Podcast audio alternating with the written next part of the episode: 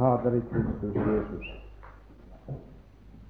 Vi ber deg igjen at du vil gi oss den stillhet og den ro som vi er avhengig av for å kunne høre din røst og se lys i ditt lys.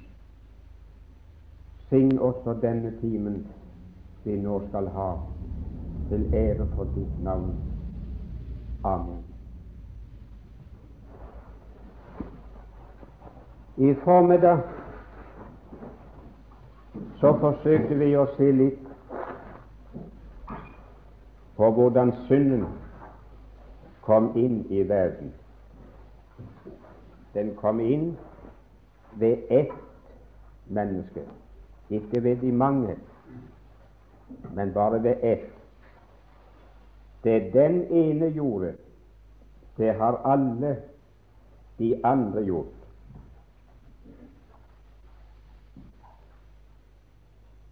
Jeg kunne hatt lyst til å ha tatt med et eksempel som kunne hjelpe oss til bedre å, å fatte det at synden kom inn for alles vedkommende bare ved ett menneske. Og Eksempelet vil jeg ta fra Hebrevet 7. De kan selv lese hele kapitlet om de har interesse av det. Men her gjelder det særlig den første del, fra vers 1 og til og med vers 10. Der er gjort en sammenstilling mellom den Herre Jesus som ypperste prest og Melkisedek, som er kalt for den høyeste Guds prest. Han som møtte Abraham og styrket ham og velsignet ham, og som Abraham betalte skatt til. 10% skatt, eller som vi kaller det tiende. Og for å påvise at Kristi prestedømme er større enn Arons prestedømme, og at Kristus selv som prest er større enn ypperste presten Aron, med all hans tjeneste som hadde pågått i tabernaklet, og siden av andre prester i tempelet, så fremheves nettopp det forhold at Levi, som Aron er kommet ifra. For Aron han er av Levis stamme, og Gud har aldri gitt prestedømme til noen annen stamme enn Levis stamme. Så hvis en mann ikke kunne godtgjøre at han var av Levis stamme, så kunne han ikke være prest og ingen ville anerkjenne ham som prest. For til ingen annen stamme på jorden har Gud overdratt det embetet. Det står i Hebreabrevet 8 at hvis Jesus nå hadde vært på jorden, så hadde han ikke engang vært prest. For der er de som etter loven bærer frem gavene. Så, så hvis Jesus ikke kunne ha vært prest bare fordi han ikke var av Levis stamme, hvem andre kan så være det? Jeg for min del kunne aldri blitt prest. Det er helt umulig. For jeg er ikke av den stammen. Jeg kunne reise inn og Ja, ja, nå er jeg for gammel. Men jeg kunne ha gjort når jeg var ung, og tatt teologisk embetseksamen og fått noen til å innvie meg til et prestembete. Men det er noe helt annet enn at jeg i Guds måte å regne på var en Guds prest. Det er bare én stamme i verden som har fått presteembetet og prestedømme overdratt, og det var Levi. Men av den stamme var ikke Jesus kommet. Han var kommet av Judas stamme. Og så skal det bevises overfor disse hebreerne at han som er kommet av Judas stamme, og ikke av, av Levis stamme, han er større enn Aron. Og så skjer det ved å vise at Aron har erkjent sin underlegenhet overfor Melkesedek. Og så fastslås det at Jesus, som er judastamme, han er prest ifølge en evig ed etter Melkesedeks vis, og ikke etter Arons vis. Og så er bevisførelsen den som vi leser ifra, ifra vers 4. Og se hvor stor han er, denne som Abraham, patriarken, endog ga tiende av byttet. Og mens de av Levi-barn som får prestedømme, har et bud om å ta tiende etter loven av folket, det er av sine brødre, skyld disse er kommet til Abrahams lem, så har denne som ikke regner sin ett fra dem, tatt tiende av Abraham og velsignet ham som hadde løftene men uten all motsigelse er det den ringere som velsignes av den høyere. Og her er det dødelige mennesker som tar tiende. Men det er en som har det vitnesbyrd at han lever. Og om jeg nå må si ved Abraham Det er det du må merke dere ved Abraham er endog Levi, som tar tiende, blitt lagt i tiende. For han var ennå i sin fars lem den gang da Melkisedek møtte Abraham. Altså den gangen da Abraham møtte Melkisedek, så var ikke Levi verken Levi selv eller hans stamme født. De eksisterte ikke ennå. Allikevel sies det at Levis stamme har betalt tiende til Melkisedek. For de lå i hans Abrahams lem den gangen han betalte tiende. Så de eksisterte altså for Gud i en annen person lenge før de var født. Og det deres stamfader gjorde, det sier Gud at de har gjort. Betalte Abraham skatt, vel, så har de betalt skatt. Og har Abraham erkjent Melkesedeks overhøyhet, vel, så har Levi også erkjent at Melkesedek er større enn han, og er så Kristus prest ifølge den evige ed, prest etter Melkesedeks mønster, så er han større enn alle. Større enn hele det prestesystemet og offertjeneste som pågikk i tabernakel og tempel. Det jeg vil ha frem, er bare det ene forhold at mennesker i det tilfellet sies å ha betalt skatt, betalt 10 før de var født. Betalte de 10 prosentene i skatt i og ved en annen manns handling. Gjorde han det, så gjorde de det som lå i hans slekt. Den gangen eh, Adam falt og syndet, så hadde han ingen barn av det. Det gjorde jeg oppmerksom på. Han sto ganske alene, hadde ingen barn. Men fordi han var en stamfader, så lå hele slekten ufødt i hans lem.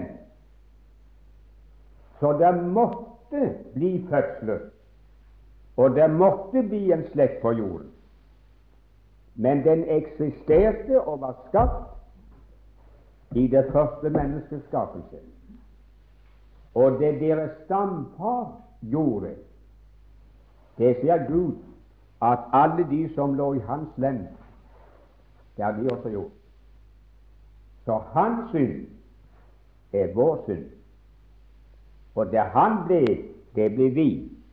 Det er ingen forskjell.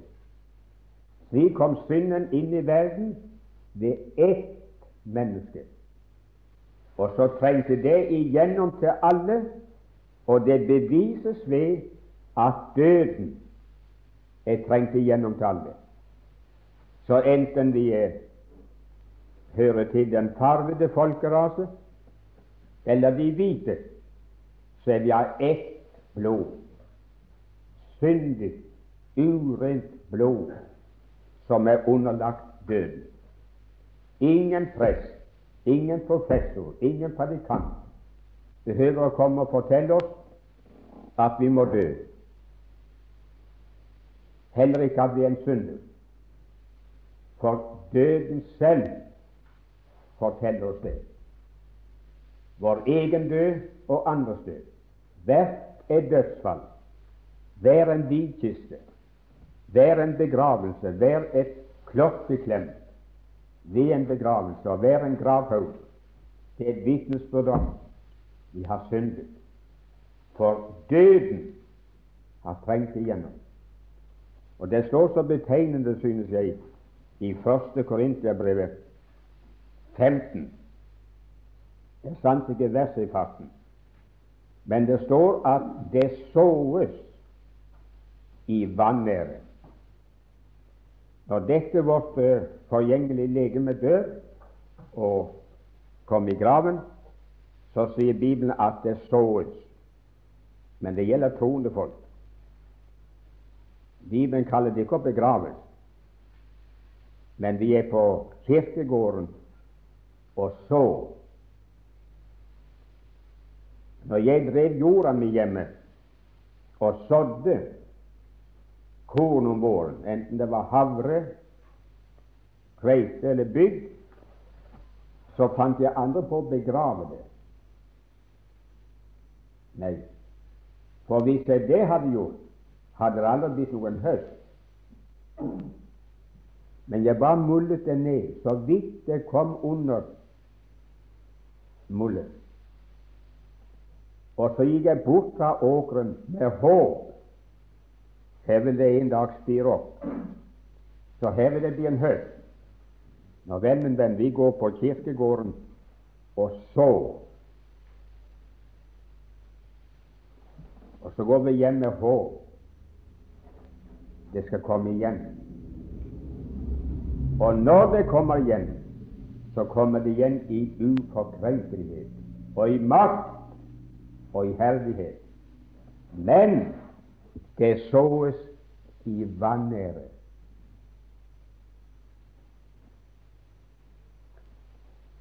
Jeg kan aldri gå over en kirkegård, aller minst i en storby, med mindre jeg kom i tanke om det ordet. Du ser disse velstelte gravplassene med svære, fine, flotte, kostbare gravmonumenter så er navn og årstall på dem. En gang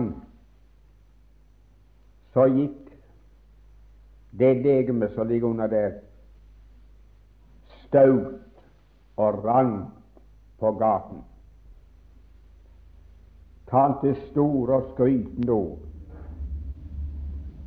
Mente seg nesten å kunne Ja, de mange mente det fullt ut å kunne greie livet og evigheten uten Gud.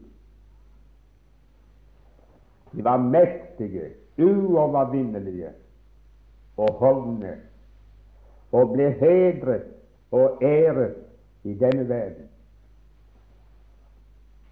Nå ligger de der. Like fattig, like ribbet, like nakne, like råtne som den aller fattigste som er graven i den munnen. All ros, all ære, all makt er ribbet av dem.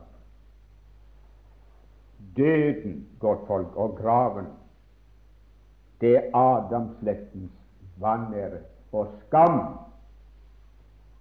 Har man aldri erkjent og ville erkjenne at man er en synder. Så forteller den gravhaugen og den gravstenen det. Han var altså en synder allikevel. Hva han mente ikke mente, hva mennesker tok han for eller ei, hva han ga seg ut for eller ei. Han var altså en synder, som alle hine, og måtte dø som alle hine. Nå skal jeg ikke si mer om det jeg var inne på i formiddag. Men vil dere notere noe mer, så kan det under et nytt romertall, romertallet 2, skrive at Bibelen omtaler synd i to former.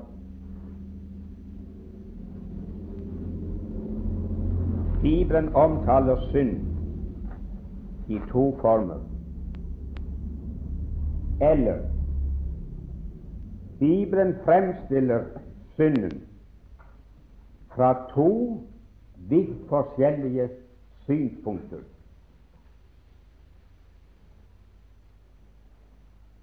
Det er det nødvendig for oss å holde klart om vi skal få et rett begrep om vårt gudsforhold og om vår frelse. For det første så omtaler Bibelen synden som en ond tilstand.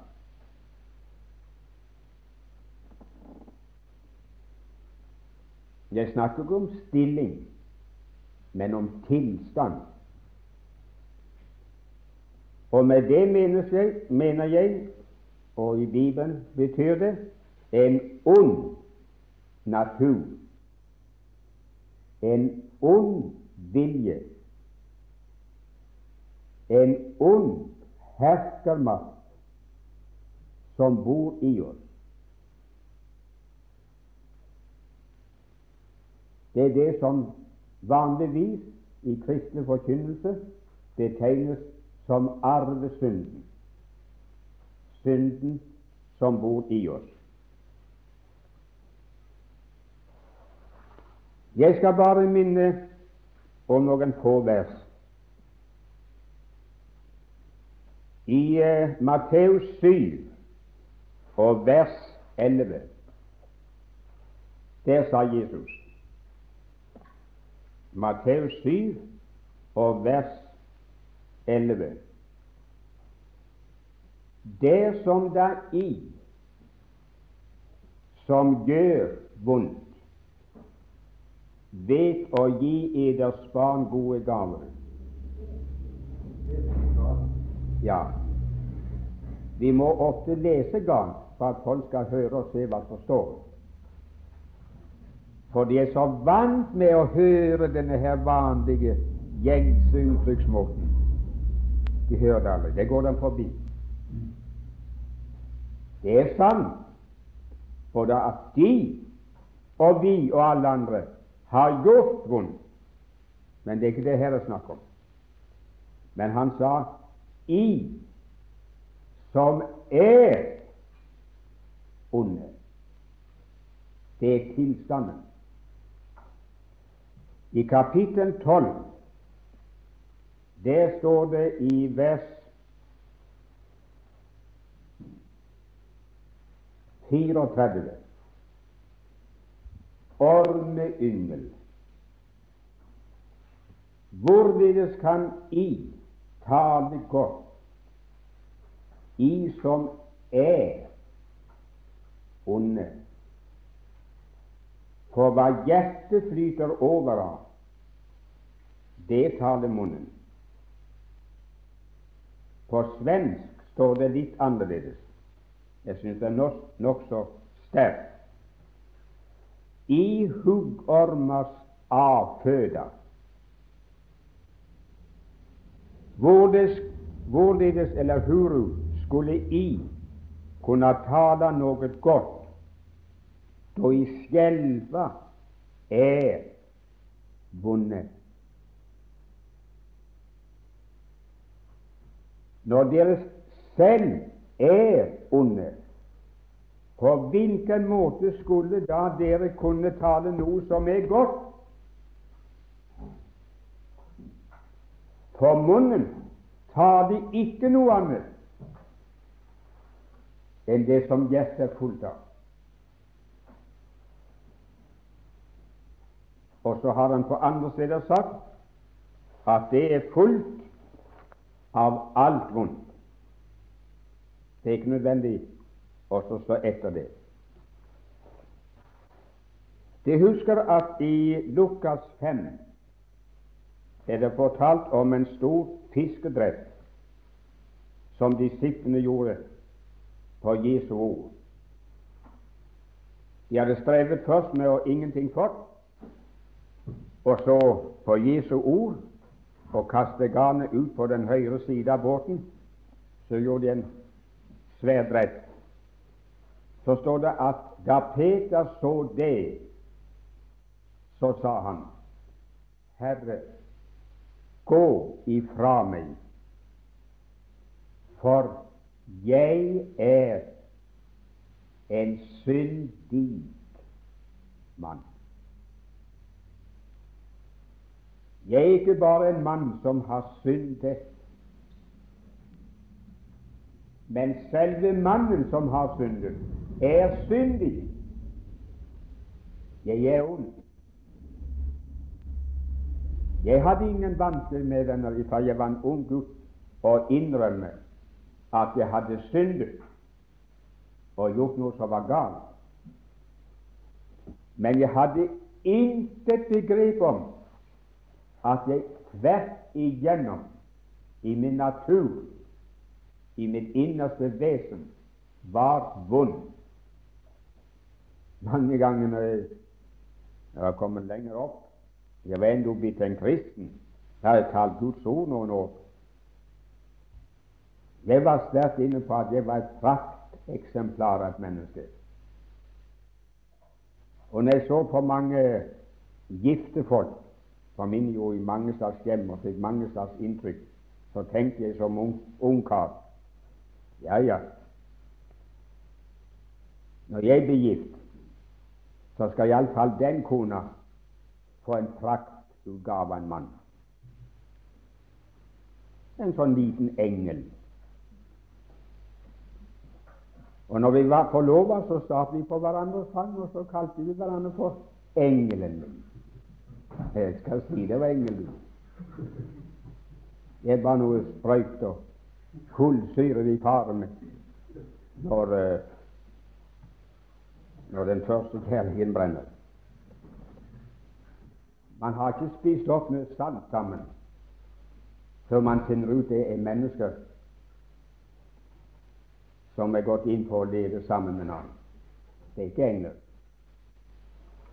Og jeg har funnet ut, venner, i alt mitt liv. Det er det jeg var inne på på festen. Jeg fant det tauet i fjæra, slimet og råttent, ekkelt, og begynte å ha det inn. I håp om at det skulle bli bedre og sterkere. Men det ble råtnere og råtnere inntil jeg sto med siste tampen, og den var like råtten som den første. Jeg var kommet til enden av meg selv, og alt var vondt. Det var intet godt. Det er en annen lekse. I Romerbrevet 7 skal vi se noen vers.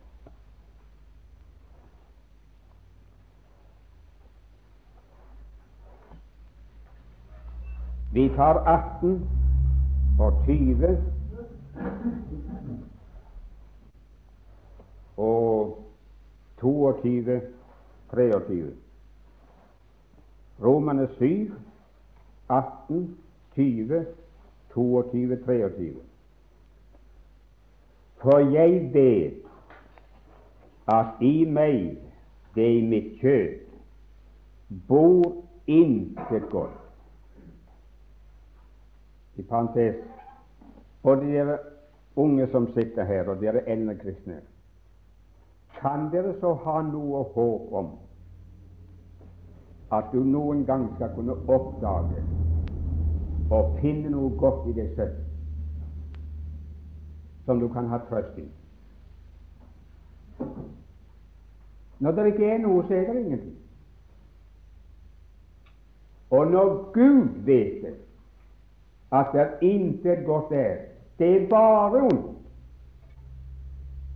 hvordan skulle så han finne på, min venn, å sitte på en stor, svær i himmelen og så nistirre ned her og prøve å se det tvers igjennom, om han ikke kunne finne noe godt? Nei, godt folk. Gud har snudd deg og meg ryggen og har aldri tenkt å oppdage noe godt hos deg og meg. Vi er onde, og det bor intet godt. Nå vel, for jeg vet at det i mitt kjøtt bor intet godt, for viljen har jeg, men å gjøre det gode makter jeg ikke. Men gjør jeg det som jeg ikke vil, da er det ikke mer jeg som gjør det, men synden som bor i meg. Det er ikke selve forholdet her vi skal snakke om, men det er bare den kjensgjerningen at synd omtales som en ond, syndig tilstand, en natur som er vond, som bor i oss.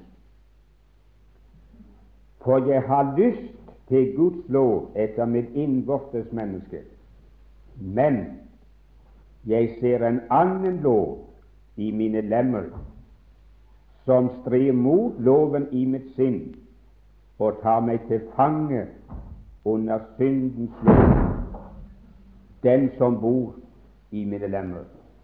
Ja, her skjer det ingen skade, så ta det bare med ro. Et smell, det tåler vi å høre. Men om du hørte hva vi leste her, det er bare en annen sak. Vi tar igjen de to vers. Jeg har lyst til Guds lov etter mitt innvortes menneske. Her er et menneske med to naturer. Et frelst, gjenfødt menneske. Men jeg ser en annen lov i mine lemmer som tar meg til fange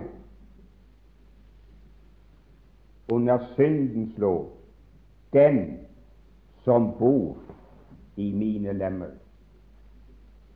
Det er synden som bor i oss. Men like klart og like sterkt taler Bibelen om synd i form av utført vond gjerning. Fordi vi har en ond tilstand, og tvers igjennom i oss selv er onde, så gjør vi også i gjerning det som er galt. I 4. Mosebok 32 og 23. vers står det bl.a.: Fjerde Mosebok 32, 23. Dersom I gjør således, da synder I mot Herren. Altså dersom I gjør således, da synder I mot Herren.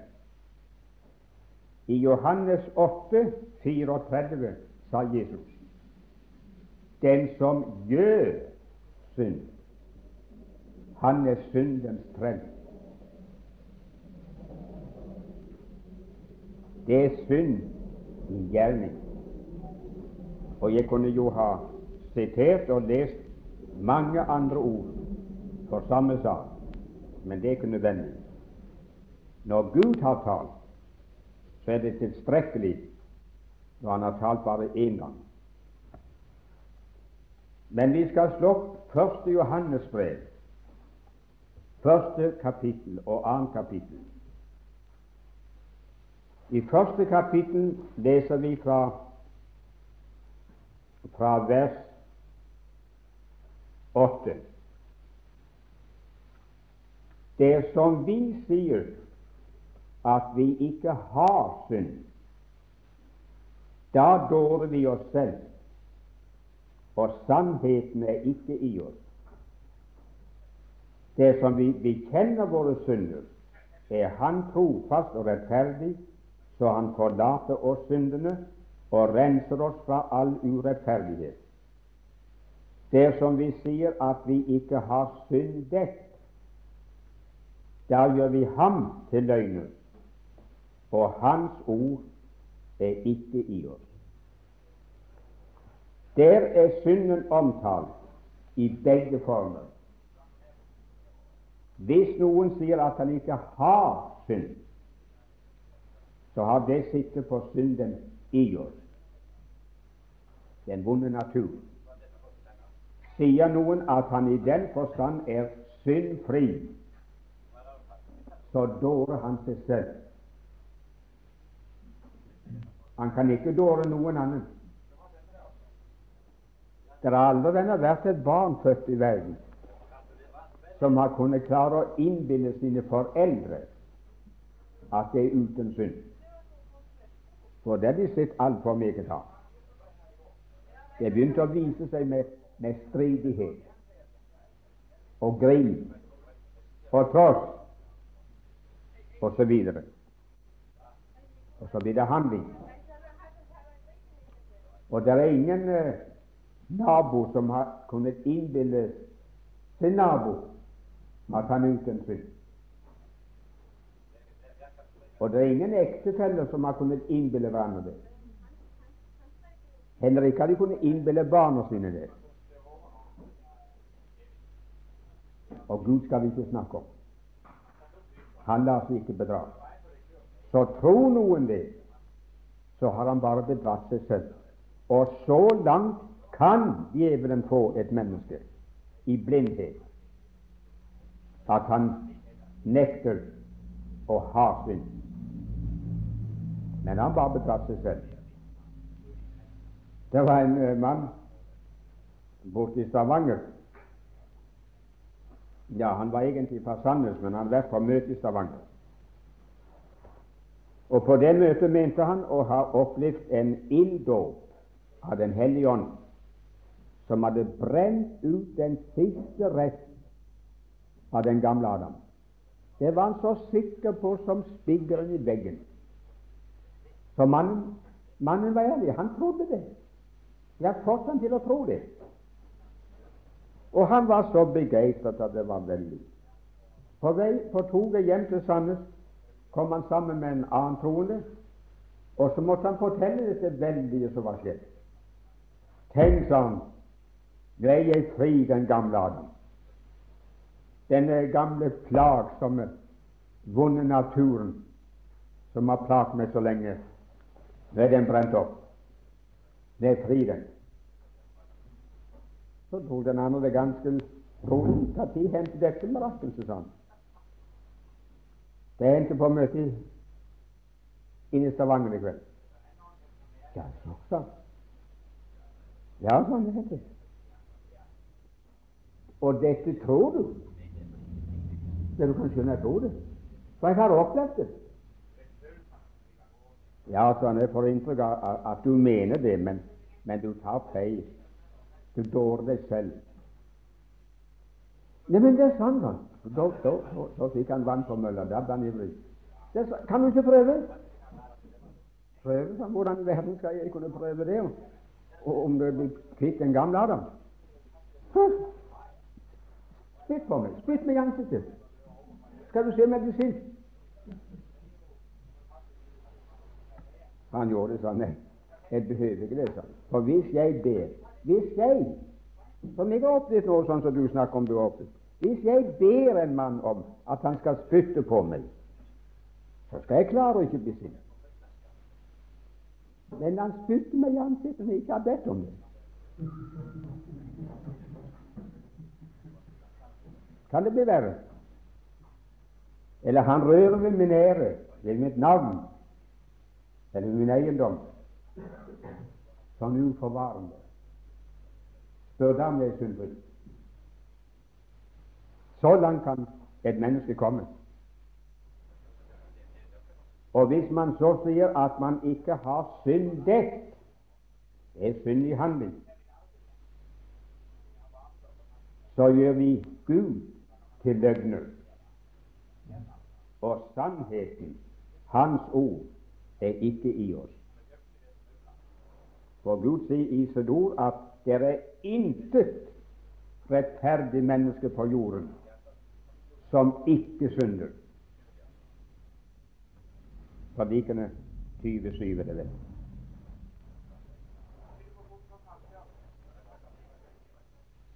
Det er kanskje noen av dere som har hørt det, men jeg kan fortelle det igjen, for jeg har fortalt det flere ganger. For dette som jeg nå rører ved, det vil det ganske sikkert komme i kontakt med i livet. Borte i Amerika var det i sin tid en mann, en predikant, et stort Herrens vitne, ved navn Harley. Han kom ut på vestkysten til eh, Los Angeles og skulle ha noen møter. Han har aldri vært der før, men han hadde hørt snakk om at der i byen skulle være en fraksjon troende som ga seg ut for å være syndfri. Og Det kom han til å nevne i en preken en kveld, og så sa han det er blitt meg fortalt før jeg kom hit, at her i Los Angeles fins troende mennesker som er syndfri, som ikke lenger har den onde, gamle natur i seg. Hvis det som skulle være tilfellet, hva jeg har vanskelig for å tro, så har jeg interesse av om en sådan ville komme opp og snakke med meg. Jeg vil gjerne hilse på en slik mann. Så trekk han videre. Ganske riktig da møtet var slutt, så kom det opp en mann til Harley og rakte hånden mot ham. Og så sier han, 'Unnskyld, var det slik De ville snakke med meg?' Med dem, sa Harley. Ja. Jeg vet ikke. Vil han noe snakke med meg? Ja, mente de ikke det de sa i prekenen? Om hva? Om at det skulle være syndefrie mennesker her i byen. Og at hvis det var slike, så ville du gjerne snakke med dem. Jo, det mente jeg sånn. De vil ikke si at de er en sådan. Jo, sånn er en sådan. For vi er mange her i byen da, som er syndfrie. Jeg ble helt tatt av ham. Jeg har boken stående hjemme, hvor han forteller det. Så sto jeg og holdt han fast i hånden sånn, og sånn Når jeg snakker om dette nå, så er det ikke moro, men jeg snakker alvor. Tør du gjenta det, at du er syndfri, med Gud som vitne over oss? Ja, sånn. Det gjentar jeg med frimodighet. Jeg er syndfri, ble det for 20 år siden. Og i de siste 20 år har jeg ikke begått en eneste synd. Jeg kan ikke synde. Jeg kunne ikke tro mine egne ører, sa Herlig.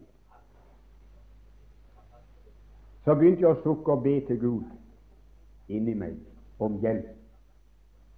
Så falt det meg inn. Jeg sa til ham Si meg, kan vi to være enige om at det gis to slags synd omtalt i Bibelen? Hvilke? sa den andre. Synd i ond utført handling og synd som består i unnlatt god handling. Ja, sånn det kan vi være enige om. For det står jo at om noen vet å gjøre godt og ikke gjør det, for ham er det synd. Ja, men snille dem som har lyst. Vil de stå her og fortelle meg at de i disse siste 20 år ikke har begått noen av disse synder? Ikke hadde gjort eller sagt noe i direkte vondhandling, og heller ikke hadde unnlatt å gjøre noe som er godt og rett. Og han gjentok og bekreftet det. Da sto jeg sånn og følte meg nesten sjakkmatt. Jeg visste ikke mer hva jeg skulle si.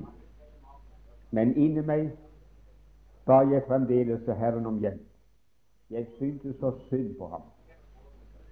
For jeg så for meg et menneske som hadde bedratt seg selv. Hvordan skulle jeg kunne redde ham? Jeg ble bønnhørt, sier Harley. Men bønnhørelsen kom på en måte som jeg ikke hadde tenkt meg muligheten av. Der sto en kvinne, hun var visstnok bedent i, uh, i lokalet der. Hun hadde stått såpass nær at hun hadde hørt samtalen, oppfattet det som ble sagt. Og så skjønte hun den forlegenhet som jeg kom i. Og så kom hun stille bort, og så la hun hånden på skulderen min.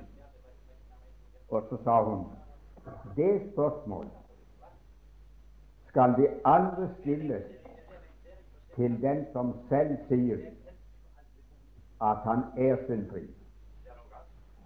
Hvilket spørsmål? Det de stilte ham nå. Det de stilte ham nå, om det er riktig at han i de siste 20 år ikke har unnlatt å gjøre noe godt og heller ikke gjort noe som er direkte galt i handling. Det spørsmålet skal du aldri stille den som selv sier at han er syndfri. Så snudde jeg meg så og sa unnskyld, frue, hvem skal jeg da spørre? Jo, sa hun, du skal spørre naboen. Men helst en nabo som holder høns. Høns som er vanskelig å holde innenfor gjerdet og våren. Og når naboen hans har gjort ferdig blomsterbedet eller en gulrotseng, og så hatt besøk av naboens høns i det bedet, spør så han som eier hønsene, om vedkommende som hadde besøk er syndfri. Men, så herlig.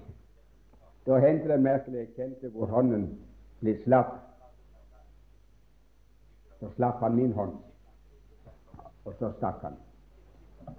Jeg fikk ikke snakke mer med ham.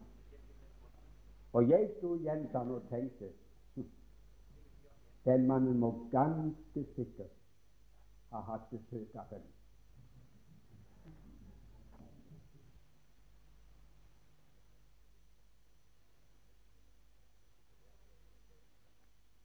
synd. Nei, venner, det er selvbedrag om vi kommer inn på det. Så vi skal fortsette der i morgen. Så det er ikke megen oppbyggelse å få, skjønner dere, av disse første timene. Bedrag, om vi kommer inn på det. Nå, vi skal fortsette der i morgen.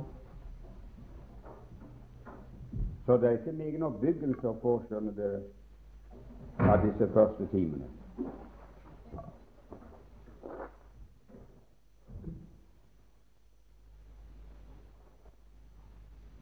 Men som jeg sa i formiddag, så håper jeg at det skal munne ut i noe som kan bli oss en velsignelse og hjelp.